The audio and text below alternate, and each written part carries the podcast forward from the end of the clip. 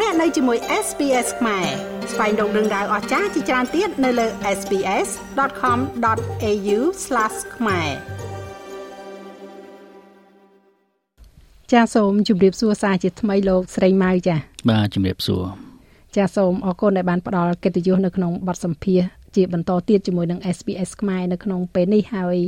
លោកលោកស្រីនាងកញ្ញាកាលមុនបានជ្រាបរួចហើយថា លោកស្រីម៉ៅគឺជាអគ្គនាយកនៅ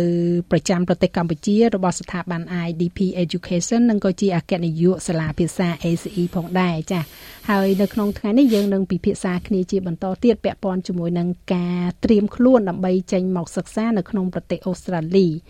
យើងដឹងហើយថាប្រទេសអូស្ត្រាលីគឺជាប្រទេសគោលដៅ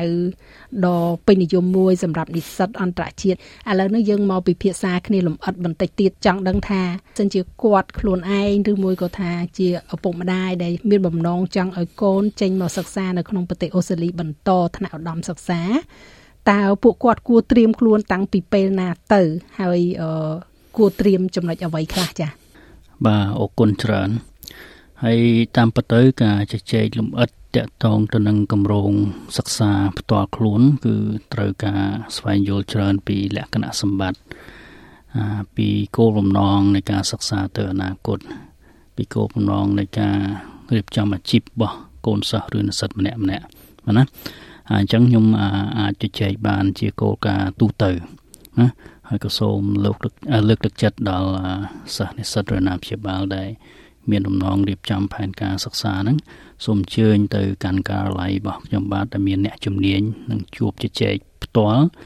ពីលក្ខខណ្ឌផ្សេងផ្សេងដែលត្រូវជាមួយនឹង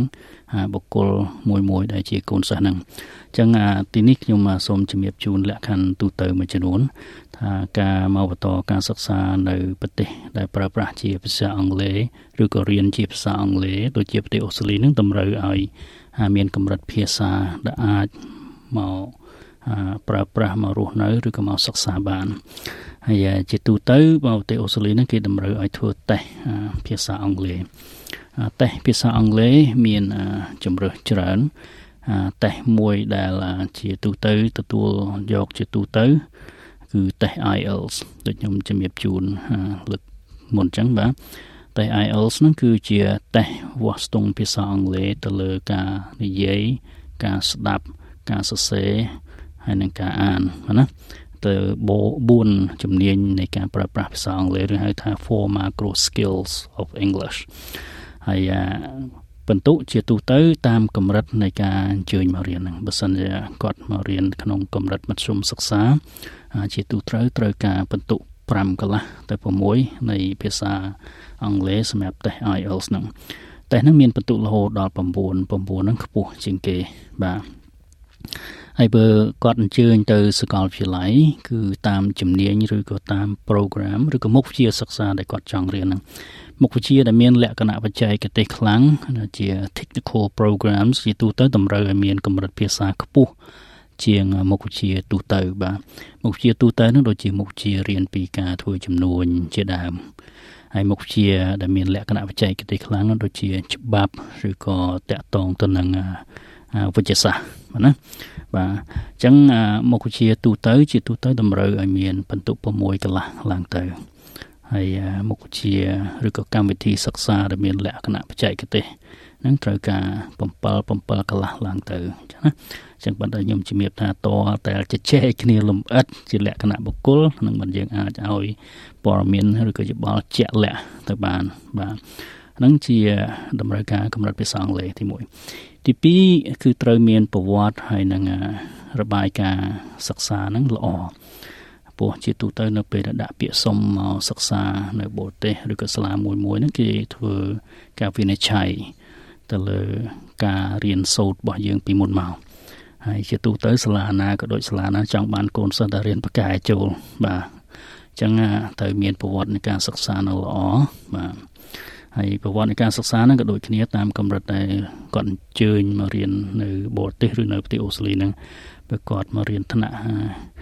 មធ្យមសិក្សា គឺត្រូវការប្រតិបត្តិបន្ទុកជាទូទៅរយៈពេល3ឆ្នាំចុងក្រោយណាបើសិនណាគាត់បន្តមករៀននៅថ្នាក់មធ្យមសិក្សាហើយបើសិនគាត់អញ្ជើញមកថ្នាក់បរិញ្ញាបត្រឬក្រោយបរិញ្ញាបត្រឧត្តមសិក្សាហ្នឹងគឺត្រូវមានសញ្ញាបត្រដែលគាត់បញ្ចប់ហ្នឹងតាមមុខវិជ្ជា មួយមួយហើយនឹងប្រវត្តិដែលគាត់ធ្វើការងារមួយចំនួនបាទណាបាទអញ្ចឹងជាលក្ខខណ្ឌដើម្បីវិនិច្ឆ័យទៅលើប្រវត្តិសិក្សាហើយមួយទៀតគឺទៅលើចំណងចំណូលចិត្តហើយនឹងគេហៅថា study plan ឬ career plan របស់គាត់ទៅអនាគតតើសមស្របទៅនឹងមុខវិជ្ជាដែលគាត់ធ្លាប់រៀនពីមុនមកប៉ុណ្ណាបាទឬជាការដូរមុខវិជ្ជាថ្មីទាំងស្រុង នឹងក៏គេធ្វើវិនិច្ឆ័យទៅលើនឹងដែរដើម្បីឲ្យគេអាចយល់ថាតើ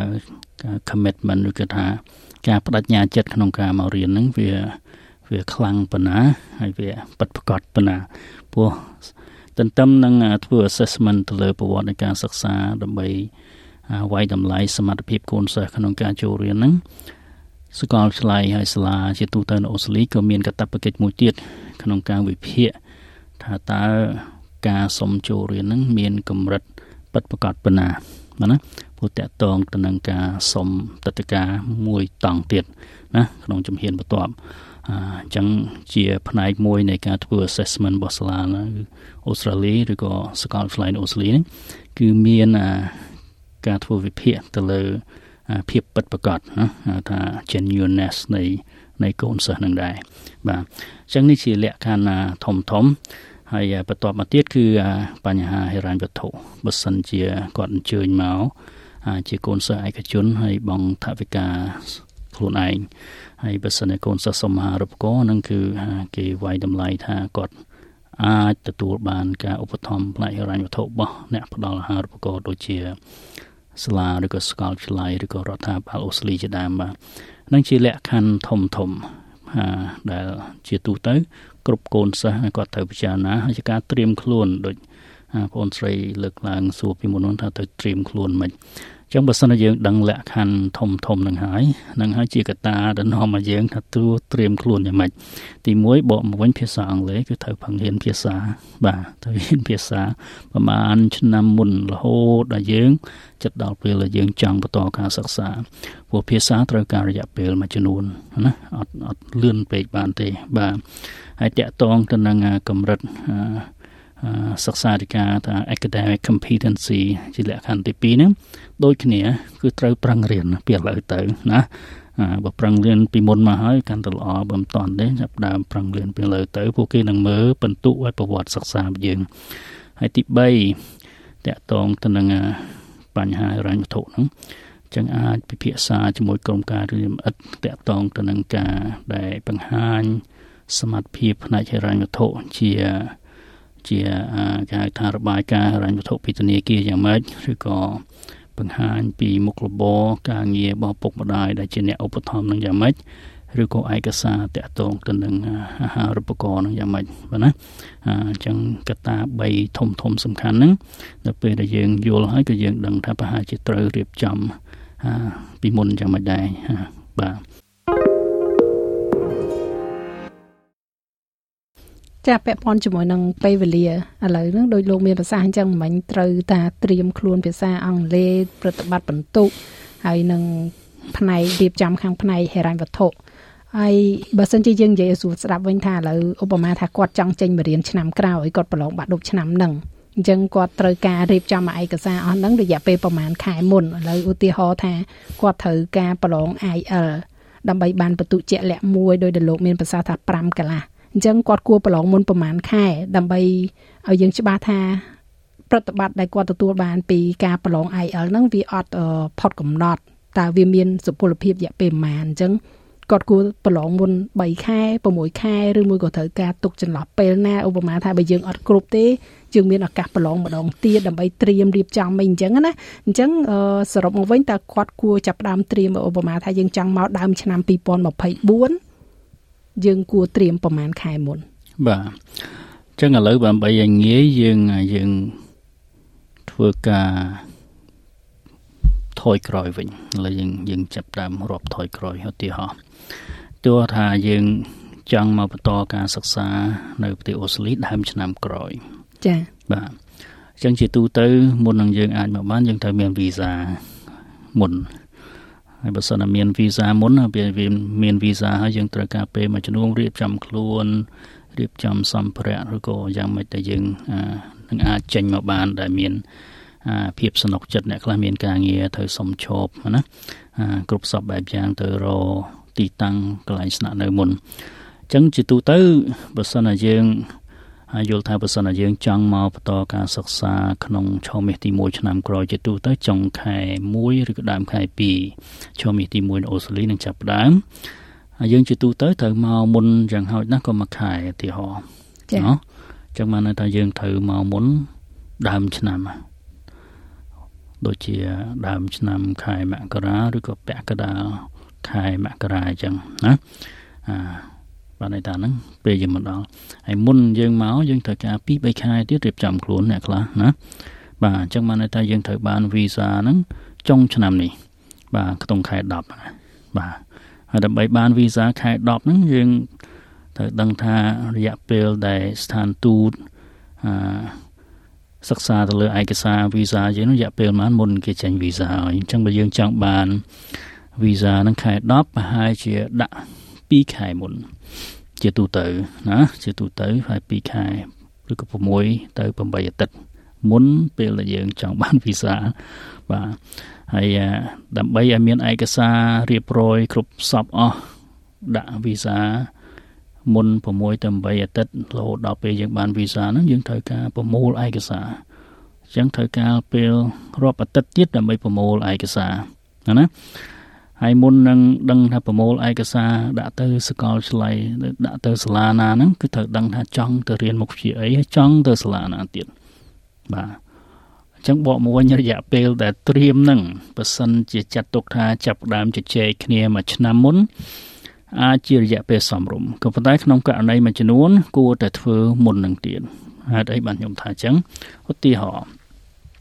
ឧទាហរណ៍ពុកម្ដាយមួយចំនួនគាត់ថា កូនឥឡូវចាប់ដើមរៀនថ្នាក់ទី12អញ្ចឹងរៀនមួយឆ្នាំនឹងទៀតចប់មធ្យមសិក្សាទុតិយភូមិឬក៏បាក់ឌុបនឹងអាចបន្តទៅសិក្សានៅក្រៅប្រទេសឬប្រទេសអូស្ត្រាលីនឹងថ្នាក់មហាវិទ្យាល័យបាន ជាទូទៅយល់ចឹងក៏ប៉ុន្តែបើសិនជាគាត់មុននឹងមក office ឬក៏មកមុននឹងមួយឆ្នាំទៀតបានន័យថាក្នុងឆ្នាំឬថ្នាក់ទី10ឬថ្នាក់ទី11គាត់អញ្ជើញមកជជែកគ្នាណា គឺយើងមានជំរើសច្រើនជំរើសដែលយើងចាប់បាក់ដប់ហើយអញ្ជើញមកអូស្ត្រាលីរៀននឹងជាជំរើសមួយក្នុងចំណោមជំរើស2 3ថែមទៀតហើយសម្រាប់ស្ថានភាពឪពុកម្ដាយឬកូនសិស្សមួយចំនួនហ្នឹងអាចថាជំរើសផ្សេងនេះជួនកាលល្អជាងសម្រាប់គាត់ចា៎បាទឧទាហរណ៍ឧទាហរណ៍ថាគាត់ឆ្លាញ់ខាងផ្នែកបច្ចេកទេសដែលគាត់មករៀននៅថ្នាក់ឧត្តមសិក្សាថ្នាក់បច្ចេកទេសជួនកាលគាត់អាចចូលតាមថ្នាក់មធ្យមសិក្សាបច្ចេកទេសនៅប្រទេសអូស្ត្រាលី ដែលគេហៅថា TAFE ណា Technical and Further Education ជាសាលាមធ្យមបច្ចេកទេសហើយជាទូទៅសាលាមធ្យមបច្ចេកទេសគាត់មានជំនាញបកែខាងបច្ចេកទេសហើយបើសិនណាកូនសិស្សថ្ងៃក្រោយគាត់ចង់ធ្វើខាងបច្ចេកទេសអញ្ចឹងជាទូទៅរៀនតាមសាលាមធ្យមបច្ចេកទេសអនុញ្ញាតឲ្យគាត់ practice ឬក៏អនុវត្តបានច្រើននៅរោងជាងនៅស្អីស្អីចឹង គាត់ចេះកាន់តែច្រើនហើយគាត់បានសញ្ញាបត្រមួយហើយបន្ទាប់មកគាត់អាចបកទៅរៀននៅមហាវិទ្យាល័យវិញបន្តទៀតគឺអត់ខាតឆ្នាំនេះហើយជាទូទៅសាលាមជុំចែកទេស ចេះច្រើនជាងតកតងនឹងបច្ចេកទេសដែលគាត់ចង់រៀនហ្នឹងគាត់បានសញ្ញាបត្រមួយគាត់អាចរកការងារធ្វើបដាមុននឹងគាត់បន្តទៀតនៅក្នុងឆ្នាំទី2នៅថ្នាក់អសាកលវិទ្យាល័យបាទ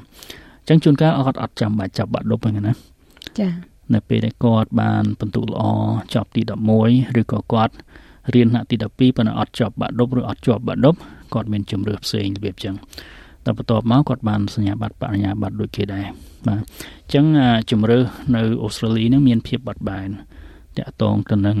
education pathway ណាมันចាំបាច់ថាមានតែផ្លូវមួយតទៅចាប់បាក់ដប់ទេចឹងបាទខ្ញុំជំរាបជូនមិញថាជួនកាលការមកជជែកគ្នា 2ឆ្នាំមុនឬក៏3ឆ្នាំមុនអាចល្អកូនសិស្សរៀនក្នុងថ្នាក់ទី10អាចចាប់ផ្ដើមជែកគ្នាបានជួនកាលមានជំរឿសល្អសម្រាប់គាត់សម្រាប់មុខវិជ្ជាចំនួនដែលគាត់ចង់រៀនហើយមិនទាំងអស់គ្នាចាំបាច់ចាប់បាក់ដប់ហើយអាចជើញមកទេណាបាទអញ្ចឹងហ្នឹងឆ្លើយទៅសំណួរមិញថាត្រូវការរយៈពេលប៉ុន្មានដើម្បីរៀបចំខ្លួនហ្នឹងគឺអាស្រ័យតាមលក្ខខណ្ឌមួយមួយរបស់សិស្សនិស្សិតនឹងផង ប៉ុន្តែការជជែកគ្នាបានកាន់តែឆាប់គឺកាន់តែល្អដើម្បីយើងទទួលបានព័ត៌មានណាយើងរៀបចំខ្លួនតាមនោះបាទណាចា៎ចំណេញទាំងពេលវេលាចំណេញទាំងថវិកាហើយប្រហែលជាអាចងាយស្រួលនៅក្នុងការយើងស្វែងរកកលឹះឧបមាថាបើគាត់ខ្វះបន្ទុកភាសាអង់គ្លេសអីចឹងយើងអាចមានពេលវេលាក្នុងការអឺគិតគូរទៅថាអាចមានផ្លូវអ្វីផ្សេងដែរឬមួយក៏អត់ទេភាសាអង់គ្លេសគឺចាំបាច់ថាត្រូវតែបានតែ5កន្លះទៅចេញមកបានលោកចា៎បាទអញ្ចឹងមាន ភាពអំណោយផលល្អមួយចំនួនបើយើងជួបជជែកគ្នាបានមុនហើយការងារខ្លះគឺអាចដូចបងស្រីមានប្រសាសន៍ហ្នឹងចំណេញទាំងថវិកាចំណេញទាំងពេលវេលាហើយជួយតម្រង់ទិសផងព្រោះយើងឃើញថាសិស្សយើងមួយចំនួនរៀននៅវិទ្យាល័យគាត់អត់ទាន់បានគិតច្រើនថាថ្ងៃក្រោយនេះគាត់ចង់ធ្វើអីឬក៏រៀនមុខជាអីនៅពេលដែលគាត់ចប់មធ្យមសិក្សា ចឹងការមកជជែកគ្នាក្នុងឡុងថ្នាក់ទី9ទី10ហ្នឹងអនុញ្ញាតឲ្យយើងឲ្យព័ត៌មានទៅគាត់មួយចំនួនដើម្បីគាត់ចាប់ដើមគិតថាចំណងចំណូលចិត្តគាត់នៅខាងណាថ្ងៃក្រោយទៅគាត់ចង់ធ្វើអីចឹងទៅគាត់យកពេលយកចិត្តទុកដាក់ទៅលើមុខវិជ្ជាសំខាន់សំខាន់ដែលជាកត្តាតម្រូវសម្រាប់មុខវិជ្ជានោះនៅមហាវិទ្យាល័យនៅពេលដែលគាត់សុំចូលរៀនបន្ទាប់ពីគាត់ចប់មធ្យមសិក្សាទៅបាទ ចាចាសូមអរគុណច្រើនលោកស្រីម៉ៅដែលបាន ជួយពន្យល់យ៉ាងពឹស្ដារមែនទែនពាក់ព័ន្ធជាមួយនឹងការត្រៀមខ្លួនមុននឹងចេញមកសិក្សានៅក្រៅប្រទេសជាពិសេសយើងប្រោតជាសំខាន់មកក្នុងប្រទេសអូស្ត្រាលីផ្ទាល់តែម្ដងចាចាសូមអរគុណនិងសូមជម្រាបលាលោកចាបាទអរគុណច្រើនជម្រាបលាបាទចុច like share comment និង follow SPS ខ្មែរនៅលើ Facebook